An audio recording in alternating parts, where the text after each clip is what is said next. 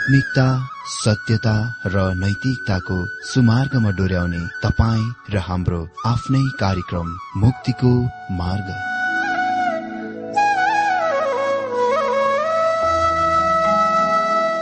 आदरणीय श्रोता यस मुक्तिको मार्ग कार्यक्रममा हार्दिक स्वागत छ। आशा छ यस आत्मिक कार्यक्रमद्वारा जीवनमा आत्मिक आशिष अलौकिक शान्ति र आनन्द प्राप्त गर्नुहुनेछ।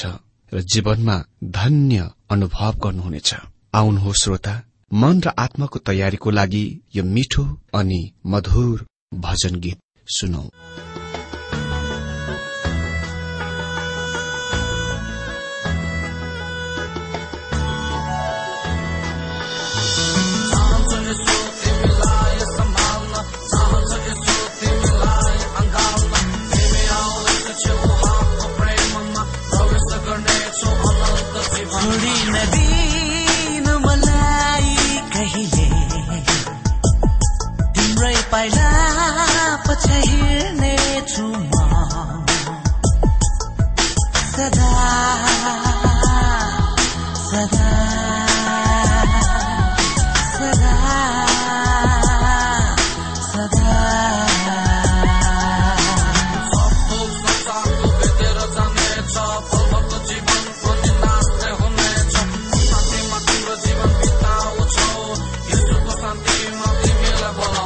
صغير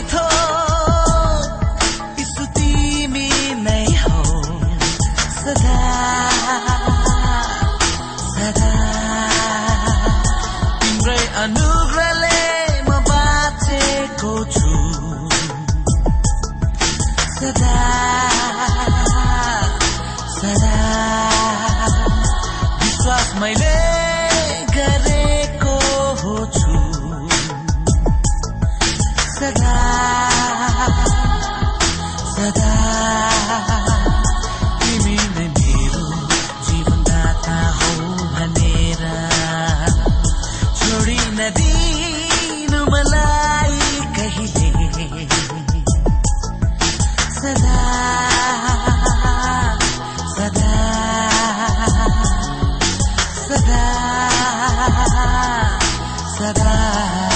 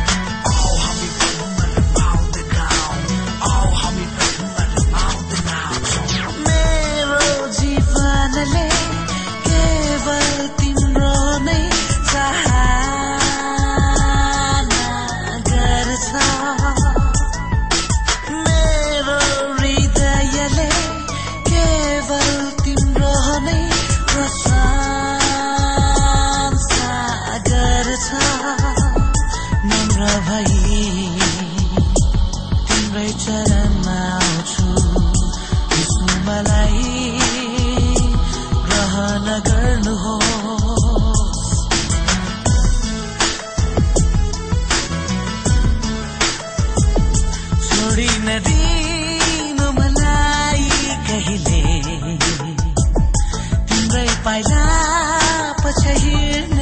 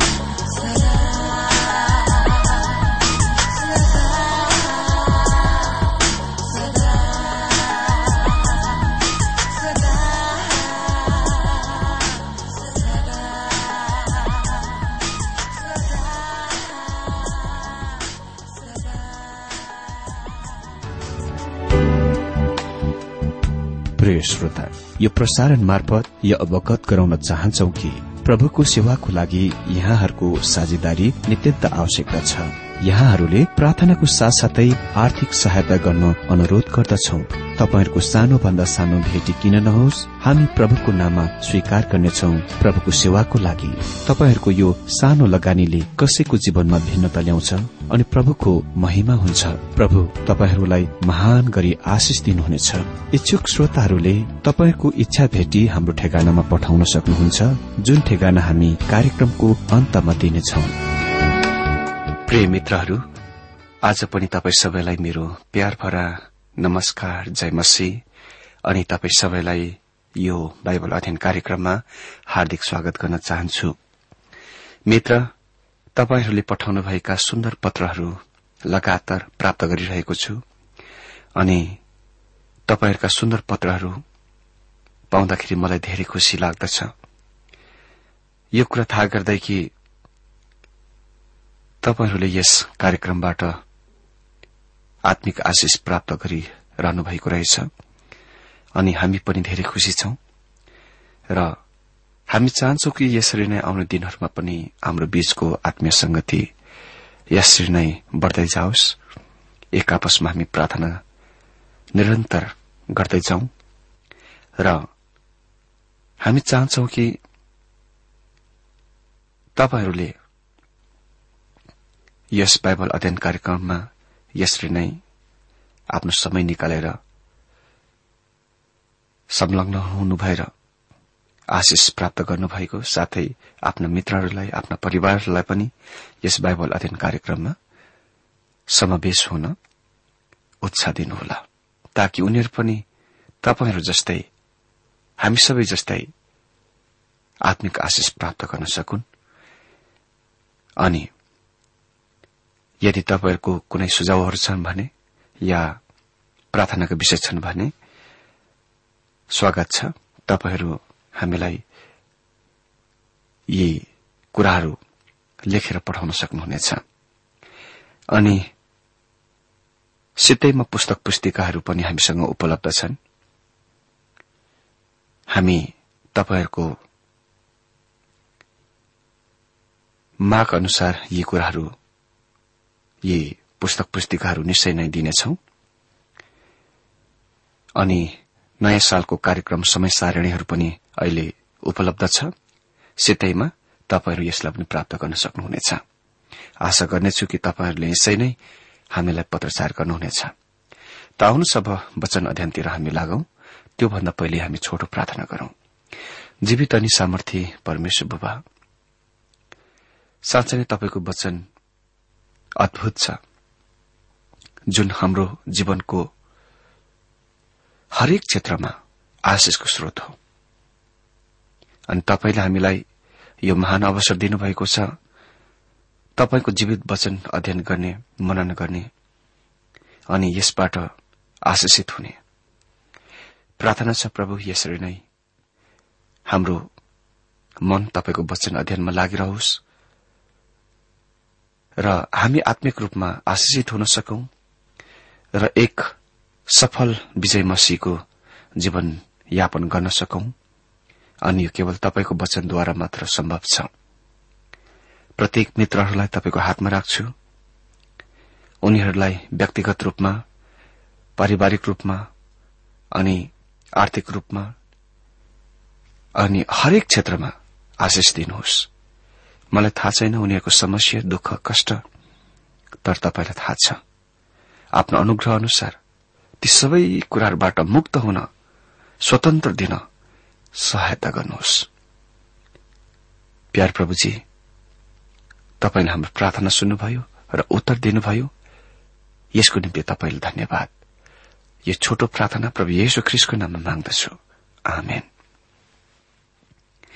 मित्र अघिल्लो दिनमा हामीले प्रकाश एक्काइस अध्याय एक र दुई पदबाट वचन अध्ययन गरिरहेका थियौं जहाँ हामीले देख्यौं नयाँ आकाश नयाँ पृथ्वी र नयाँ यरुसलेम। आज हामी प्रकाश एक्काइस अध्याय तीनदेखि आठ पदबाट वचन अध्ययन गर्नेछौ र यहाँ हामी देख्छौ नयाँ योग वा नयाँ काल। प्रकाश एक्काइस अध्याय दुई र तीन पद हामी हेर्दै अगाडि बढ़ौं। यहाँ यस प्रकार लेखिएको छ। अनि म युहनाले पवित्र शहर नयाँ यरुसलेमलाई परमेश्वर तर्फबाट स्वर्गीयदेखि तल झरिरहेको देखे जो आफ्ना पतिको निम्ति सिंगारिएको दुलाही चाहिँ तयार भएको थियो।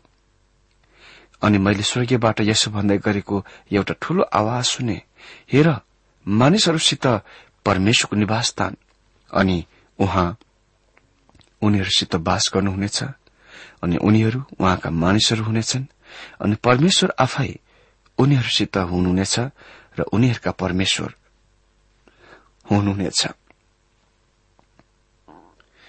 हेर मानिसहरूसित परमेश्वरको निवास स्थान। निवास स्थान के हो? हामीलाई युहनाद्वारा युहना एक अध्यय चौध पदमा भनिएको छ वचन शरीर हुनुभयो। वचन शरीर हुनुभयो अनि हाम्रा माझमा अनुग्रह र सत्यताले पूर्ण भएर निवास गर्नुभयो। त्यो शरीर क्रुसमा क्रुशीकरण गरियो र उहाँ महिमित शरीरमा पुनः बिउती उठ्नुभयो। हामी पनि महिमित शरीरहरू पाउन गइरहेका छौं र हामी नयाँ यरुसलेममा उहाँसँग रहन गइरहेका छौं वा हुन गइरहेका छौं। सुनका बाटाहरू सड़कहरू वास्तवमा त्यति महत्वपूर्ण छैन। तपाई सड़क बनाउँदा प्रयोग गरिने अलकत्रा मिसिएको कालो कस्तो प्रकारको पदार्थमा वा त्यसमाथि हिँडी रहनु भएको छ वा हेर्नुहुन्छ त्यसले खासै भिन्नता बनाउँछ। त्यसले नै खास भिन्नता बनाउँछ। त्यहाँ हुने मनोवैज्ञानिक र आत्मिक महत्वहरूको थाहा पाउन महत्वपूर्ण छ। अनि उहाँ उनीहरूसित बास गर्नुहुनेछ अनि उनीहरू उहाँका मानिसहरू हुनेछन्। अनि यो पनि भनिएको छ परमेश्वरले उनीहरूका आँखाहरूबाट सबै आँसुहरू पुछिदिनुहुनेछ। ओ मित्र आज संसार आँसु नै आँसुले भरिएको छ। त्यहाँ हजारौं लाखौं आँसुहरूसँग मानिसहरू जीरहेका छन्। तिनीहरूका हृदय टुटेका छन्। भग्न हृदय भएका मानिसहरू आज संसारमा धेरै छन्। यो संसारमा धेरै निराश र एक्लो मानिसहरू छन्। तर नयाँ यरुसलेममा त्यहाँ कति पनि आँसुहरू हुन गइरहेको छैन। भनिएको छ अनि परमेश्वरले उनीहरूका आँखाहरूबाट सबै आँसु पुसिदिनुहुनेछ अनि मृत्यु कहिले हुने छैन? न त शोक न न कहिले पीड़ा नै हुनेछ किनकि पहिलेका कुराहरू बितिसकेका छन्। मृत्यु कहिले हुने छैन? मित्र त्यो अति नै महान र अद्भुत सुधार हुन गइरहेको छ। विश्वमा मानिसहरू एक दिनमा हजारौं मर्दछन्। हरेक एक मिनटमा सयौं मानिसहरू मर्दछन्। मानिसहरू सधैँ मरिरहेका छन् र सयौंलाई चिहानमा पुरिन्दछ। यो पृथ्वी आज सबभन्दा ठूलो कब्रस्थान चिहान घाट भएको छ। तर त्यो सबैको अन्त हुन गइरहेको छ। नयाँ यरुसलेममा पुनः वा त्यहाँ दफनाउने पुर्ने कब्रस्थान घाट हुँदैन? हुने छैन। मरेका मानिसहरूलाई पुर्ने कामहरूमा र जलाउने व्यवसायी पेसामा लाग्ने मानिसहरूको कतिपय काम हुने छैन। अरू त के डाक्टरहरूको पनि आवश्यक पर्ने छैन।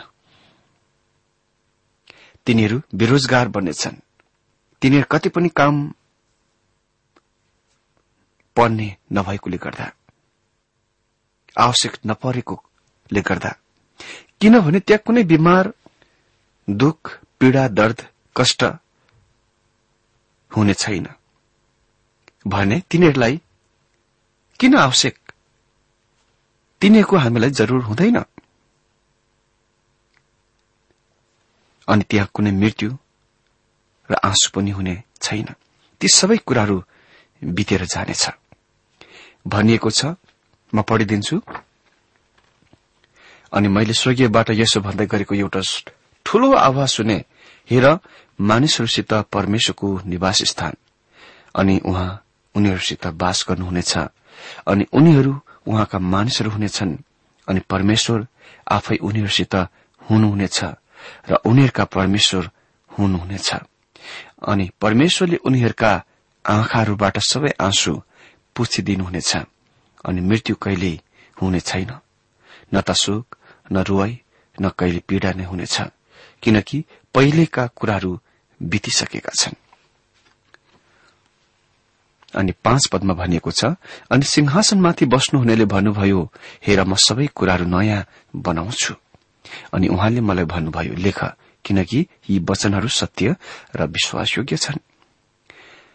उहाँले हरेक कुरालाई नयाँ बनाउन गइरहनु भएको छ। यो अरू कुनै कुरा भन्दा मेरो निम्ति धेरै अर्थपूर्ण छ। मलाई तपाईँको बारेमा थाहा छैन तर म यो जीवनसँग निश्चय नै सन्तुष्टि छुइन। र सन्तुष्टि भएको छैन। मैले आफैलाई व्याकुल भएको कुण्ठित भएको भेटाउँदछु। म आफैलाई घेरिएको बन्द गरिएको दास जस्तो भेटाइएको छु। र मैले कहिले पनि ती कुराहरू पूरा गर्न सकेको छैन जुनको पूरा गर्न वास्तवमा म चाहेको छु। म कहिले पनि त्यस्तो मानिस भएको र हुन सकेको छैन जस्तो म हुन चाहेको छु। म कहिले पनि त्यस्तो पिता र पति बन्न सकेको छुइन जस्तो वास्तवमा म बन्न र हुन चाहन्छु। म कहिले पनि त्यस्तो पुत्र बन्न र हुन सकेको छैन जस्तो म हुन चाहन्छु। म कहिले पनि त्यस्तो प्रचारक र विश्वासी बन्न सकेको छैन जुन म वास्तवमा बन्न चाहेको छु। मैले कहिले पनि त्यस्तो शुभ सन्देश प्रचार गरेको छैन जुन म प्रचार गर्न चाहेको छु। मैले कति पनि ती कुराहरू पूरा गर्न सकेको छु जस्तो देखिँदैन। मेरो मतलब कुनै पनि कुरामा म पूर्ण सिद्ध बन्न सकेको छुइन जुन मेरो हृदयको इच्छा हो अभिलाषा हो। आखिरी हामी अझै कमजोर शरीरमा छौं होइन? तर उहाँले मलाई भन्नुहुन्छ र उहाँ तपाईँलाई पनि भन्नुहुन्छ। म हरेक कुरालाई नयाँ बनाउन गइरहेको छु। हरेक कुरालाई। म त्यस दिनको प्रतीक्षा गरिरहेको छु र जब हरेक कुराको नयाँ बनाइनेछ र नयाँ तरिकाले सिद्धतामा पूर्णतामा जीवनयापन गर्न र जीवन शुरूआत गर्न सक्नेछु। के तपाईँले कहिले हरेक कुरालाई नयाँ गरी शुरूआत गर्ने बारेमा अन्तशक्तिको वा फेरि पूर्ण रूपमा शुरूदेखि सिक्ने जान्ने र यो प्रक्रिया कहिले नटुङ्गिने तर अनन्ततासम्म निरन्तर जारी रहने बारेको अन्तशक्ति वा विकसित हुने क्षमताको सोच्नलाई विचार गर्नलाई रोक्नु भएको छ। वा एकछिन रोकिएर ती कुराहरू सोच्नु भएको छ। ओ मानिसको पछि विकसित हुने शक्ति योग्यता वा विकसित हुन सक्ने गुण उसको क्षमता कति महान छ कति ठूलो कुरो छ। बाबेलको धरारमा परमेश्वरले भन्नुभयो उत्पत्ति एघार अध्यय पाँचदेखि सात पदमा म मानिसहरूले बनाएका धरहरा हेर्न तल पृथ्वीमा झट्टा नै उक्तम होला नत्र भने तिनीहरूले योजना गरेको कुनै पनि कुरा बनाएर नै छोड्नेछन्। तिनीहरूको निम्ति योजना गरेको कुनै पनि कुरा असम्भव हुने छैन। मित्र केही वैज्ञानिकहरू र प्रचारकहरूको लागि यो भन्न अति नै मूर्ख कुरो हो कि मानिसहरू चन्द्र जुनमा जान सक्दैनन्। मलाई लाग्छ कि ऊ त्यहाँभन्दा अझ धेरै टाढो माथि गइरहेको छ। अर्को ग्रहमा मानिस बुद्धिमान चतुर विवेकशील प्राणी हो जसलाई परमेश्वरले बनाउनुभयो। मृत्युले उसको त्यस महान योग्यतालाई क्षमता र प्रतिभालाई अन्त गरी दिन्छ।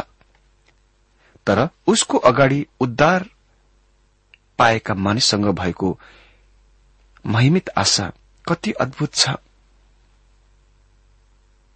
यहाँ हामी हरेक कुरालाई नयाँ गरिएको नयाँ बनाइएको महिमित प्रत्याशाको देख्छौ। हामी फेरि नयाँ गरी शुरूदेखि नै हरेक कुराको आरम्भ गर्नेछौ। त्यहाँ हाम्रा वृद्धिको कहिले पनि अन्त हुने छैन। ख्रिष्टको बारेमा भनिएको कुरा ध्यान दिनुहोस्। यसैया नौको सात पदमा उहाँको शासन र शान्तिको वृद्धिको अन्त कहिले हुने छैन? त्यहाँ निरन्तर वृद्धि र विकासले स्थान लिइरहेको हुन्छ। कुनै दिन म केही त्यो कुरा थाहा पाउन गइरहेको छु। जुनको आज मलाई थाहा छैन तर त्यस दिनमा म जान्नेछु थाहा पाउनेछु। अनि छ र सात पदमा भनिएको छ अनि उहाँले मलाई भन्नुभयो भइसक्यो। अल्फा र ओमेगा शुरू र अन्त म नै हुँ। जो तिर्खाउँछ उसलाई म जीवनको पानीको धाराबाट सित्तैमा दिनेछु। जसले जय पाउँछ ऊ सबै कुराहरूको हकदार हुनेछ। अनि म उसको परमेश्वर हुनेछु अनि उनी मेरो छोरा हुनेछन्। अल्फा र ओमेगा शुरू र अन्त म नै हुँ। यसले यहाँ बोल्ने वक्तालाई येशु ख्रिष्टको रूपमा पहिचान गर्दछ संकेत गर्दछ जस्तो कि उहाँलाई यो पुस्तकको पहिलो अध्यायमा पहिचान गरिएको थियो। नयाँ शरीरहरूमा विश्वासीहरू परमेश्वरको लागि र परमेश्वरका कुराहरूको लागि तिर्खाउनेछन् र तिनीहरू तृप्त हुनेछन्। जो तिर्खाउँछ उसलाई म जीवनको पानीको धाराबाट सित्तैमा दिनेछु। मती पाँच अध्यय छ पदमा प्रभु येशुले भन्नुभयो धन्य ती मानिसहरू जो धार्मिकताको लागि तिर्खाउँछन् भोकाउँछन् किनकि तिनीहरू तृप्त गरिनेछन्। सम्पूर्ण विश्वासीहरू विश्वासको कारण विजयहरू विशेषताहरू हुन्। केवल विश्वासको कारण तिनीहरू विजेताहरू हुन्। पहिलो युवा पाँचको चार पदमा हामी पढ्छौं किनकि परमेश्वरबाट जन्मेको हरेकले संसारमाथि जय प्राप्त गर्छ। अनि हाम्रो विश्वास नै यो विजय हो जसले संसारमाथि जय प्राप्त गर्छ। अनि म उसको परमेश्वर हुनेछु अनि उनी मेरो छोरा हुनेछ। सम्पूर्ण परमेश्वरका पुत्रहरू सन्तानहरू ख्रिष्टमा विश्वासद्वारा पुत्रहरू वा परमेश्वरको सन्तानहरू बन्दछन्। युहना एक अध्यय बाह्र पदले भन्दछ तर जतिले उहाँलाई ग्रहण गरे तिनीहरूलाई उहाँले परमेश्वरको सन्तान हुने अधिकार दिनुभयो। अर्थात तिनीहरूलाई जसले उहाँको नाममा विश्वास गर्दछन्। तिनीहरूले सबै कुराको हकदार हुनेछन्। किनभने यो परमेश्वरका पुत्रहरूलाई सन्तानहरूलाई प्रतिज्ञा गरिएको थियो। रोमी आठ अध्यय सोह्र र सत्र पदमा हामी पढ्छौं। आत्मा आफैले हाम्रो आत्मासँग तिमीहरू परमेश्वरका सन्तान हौ भनी गवाईदिनुहुन्छ अनि सन्तान हौ भने हकवालाहरू पनि हौ। साँच्चै परमेश्वरका हकवाला र ख्रिससँग साझा हकवालाहरू। उहाँसँगै हामीले दुःख भोग्यौं भने चाहिँ उहाँसँगै हामीले महिमा पनि पाउनेछौ। उनी मेरो छोरा हुनेछ। यो ग्रीकमा हो मौ हो हुयोस यो अति नै असामान्य अभिव्यक्त हो। भिन्सेन्टले यस तथ्यमा हाम्रो ध्यान आकर्षण गर्दछन् कि यो मात्र युहनाको रेकर्डहरूमा एक स्थान हो जहाँ विश्वासीहरूलाई परमेश्वरसँगको सम्बन्धमा छोरा हुयोस भनिएको छ। अर्को अनुच्छेदमा हुयोस नभने अर्को ग्रीक शब्द प्रयोग भएको छ। परमेश्वर नै एक हुनुहुन्छ जसले भन्नुहुन्छ मेरो छोरो। अनि उहाँले यहाँ त्यसको भन्नुभएको छ। चर्चमा विश्वासीहरू परमेश्वरका मानिसहरूका एकजना हुन्। तर तिनीहरू धेरै छन्। चर्चमा विश्वासीहरू परमेश्वरको मानिसहरूको एक हुन्। तर तिनीहरू चाहिँ धेरै छन्। तिनीहरू अद्वितीय र महिमित तरिकामा परमेश्वरका सन्तानहरू वा पुत्रहरू हुन्। पहिलो युहना तीनको दुई पदमा हामी पढ्छौं प्रियहरू हो अहिले त हामी परमेश्वरको सन्तान हौ।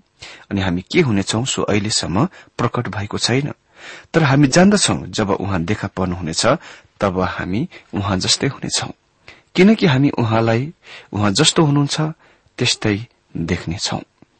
अनि आठ पदमा हामी पढ्छौं तर डराउनेहरू विश्वास नगर्नेहरू घिनलाग्दाहरू हत्याराहरू व्याविचारीहरू टुनामुना गर्नेहरू मूर्ति पूजा गर्नेहरू र सबै झुट बोल्नेहरूको भाग चाहिँ आगो र गन्धकले जरिल रहेको झीलभित्र हुनेछ। यो दोस्रो मृत्यु हो।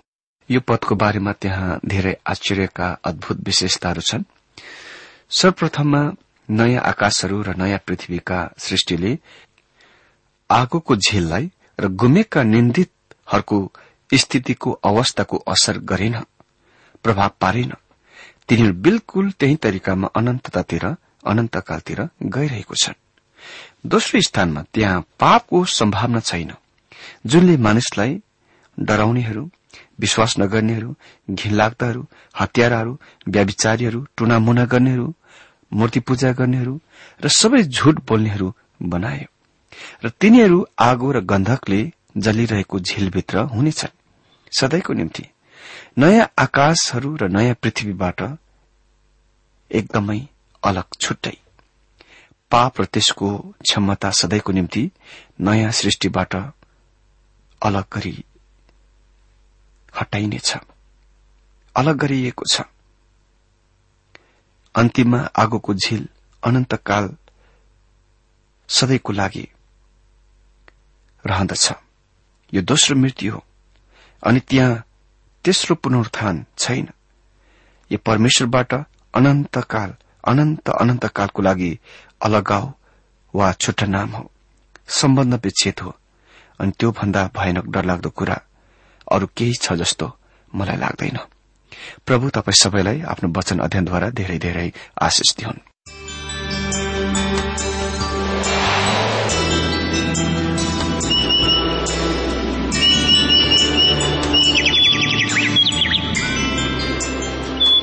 प्रिय श्रोता अहिले भर्खरै तपाईँले टीडब्ल्यूआर नेपालद्वारा सञ्चालित आत्मिक कार्यक्रम मुक्तिको मार्ग सुनिरहनु भएको थियो। श्रोता आजको यो कार्यक्रम सुनेर तपाईँलाई कस्तो लाग्यो? यदि यो कार्यक्रम सुनेर मनमा कुनै खुल्दुली वा कुनै प्रतिक्रिया अर्थात सुझावहरू छन् भने हामीलाई पत्रद्वारा लेख्न सक्नुहुनेछ।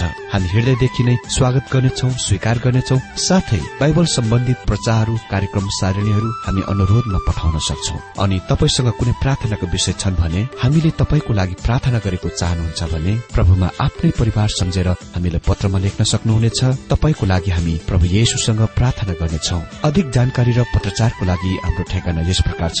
कार्यक्रम मुक्तिको मार्ग जीपीओ नम्बर उनानब्बे पचहत्तर इपिसी पच्चिस एकसठी काठमाडौँ। ठेगाना एकपल्ट सुन्नुहोला कार्यक्रम मुक्तिको मार्ग जीपीओ नम्बर उनानब्बे पचहत्तर इपिसी पच्चिस एकसठी काठमाडौँ। हाम्रो इमेल एड्रेस हो TWR Nepal at Yahoo dot com साथै यस नम्बरमा एसएमएस गर्न सक्नु सक्नुहुनेछ अन्ठानब्बे चार सत्तरी पैतिस छ सय उनासी नौ आठ चार सात जिरो तीन पाँच छ सात नौ। हुन्छ श्रोता आजलाई हामी विदा चाहन्छौ। अर्को कार्यक्रममा हामी पुनः भेट्नेछौ तबसम्मलाई नमस्कार।